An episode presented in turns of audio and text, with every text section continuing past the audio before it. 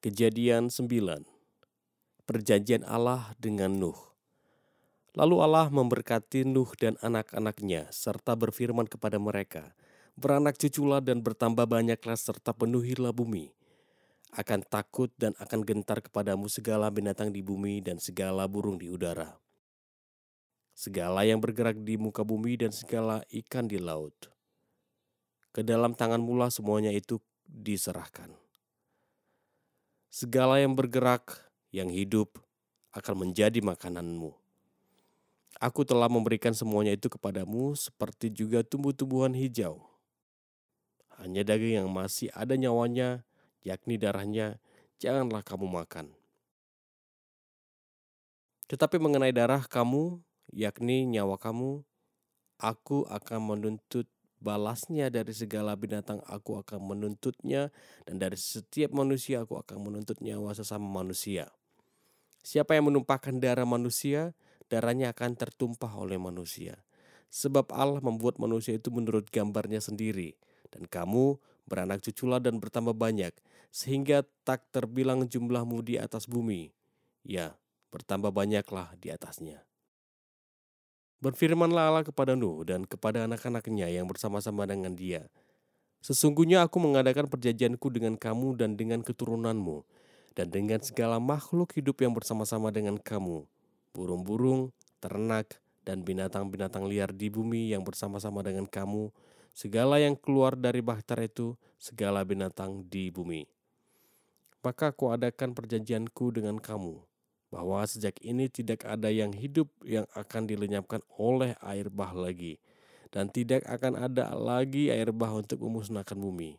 Dan Allah berfirman, Inilah tanda perjanjian yang kuadakan antara aku dan kamu serta segala makhluk yang hidup, yang bersama-sama dengan kamu turun-temurun untuk selama-lamanya.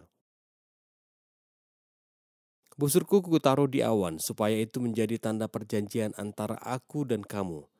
Apabila kemudian kudatangkan awan di atas bumi dan busur itu tampak di awan, maka aku akan mengingat perjanjianku yang telah ada antara aku dan kamu serta segala makhluk yang hidup, segala yang bernyawa, sehingga segenap air tidak lagi menjadi air bah untuk memusnahkan segala yang hidup.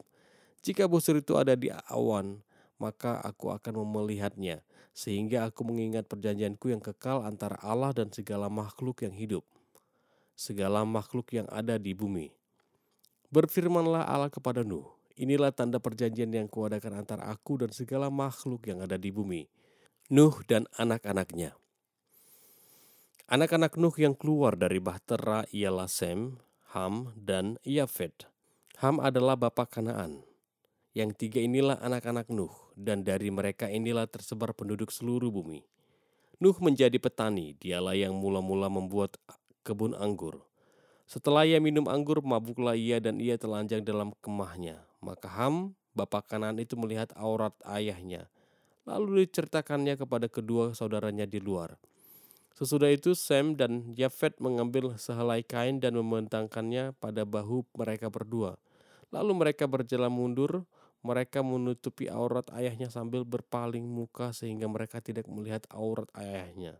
Setelah Nuh sadar dari mabuknya dan mendengar apa yang dilakukan anak bungsunya kepadanya, berkatalah ia, Terkutuklah Kanaan, hendaklah ia menjadi hamba yang paling hina bagi saudara-saudaranya. Lagi katanya, Terpujilah Tuhan Allah Sem, tetapi hendaklah Kanaan menjadi hamba baginya. Allah meluaskan kiranya tempat kediaman Yafet, dan hendaklah ia tinggal dalam kemah-kemah Sem. Tetapi hendaklah Kanaan menjadi hamba baginya. Nuh masih hidup 350 tahun sesudah air bah. Jadi Nuh mencapai umur 950 tahun lalu ia mati.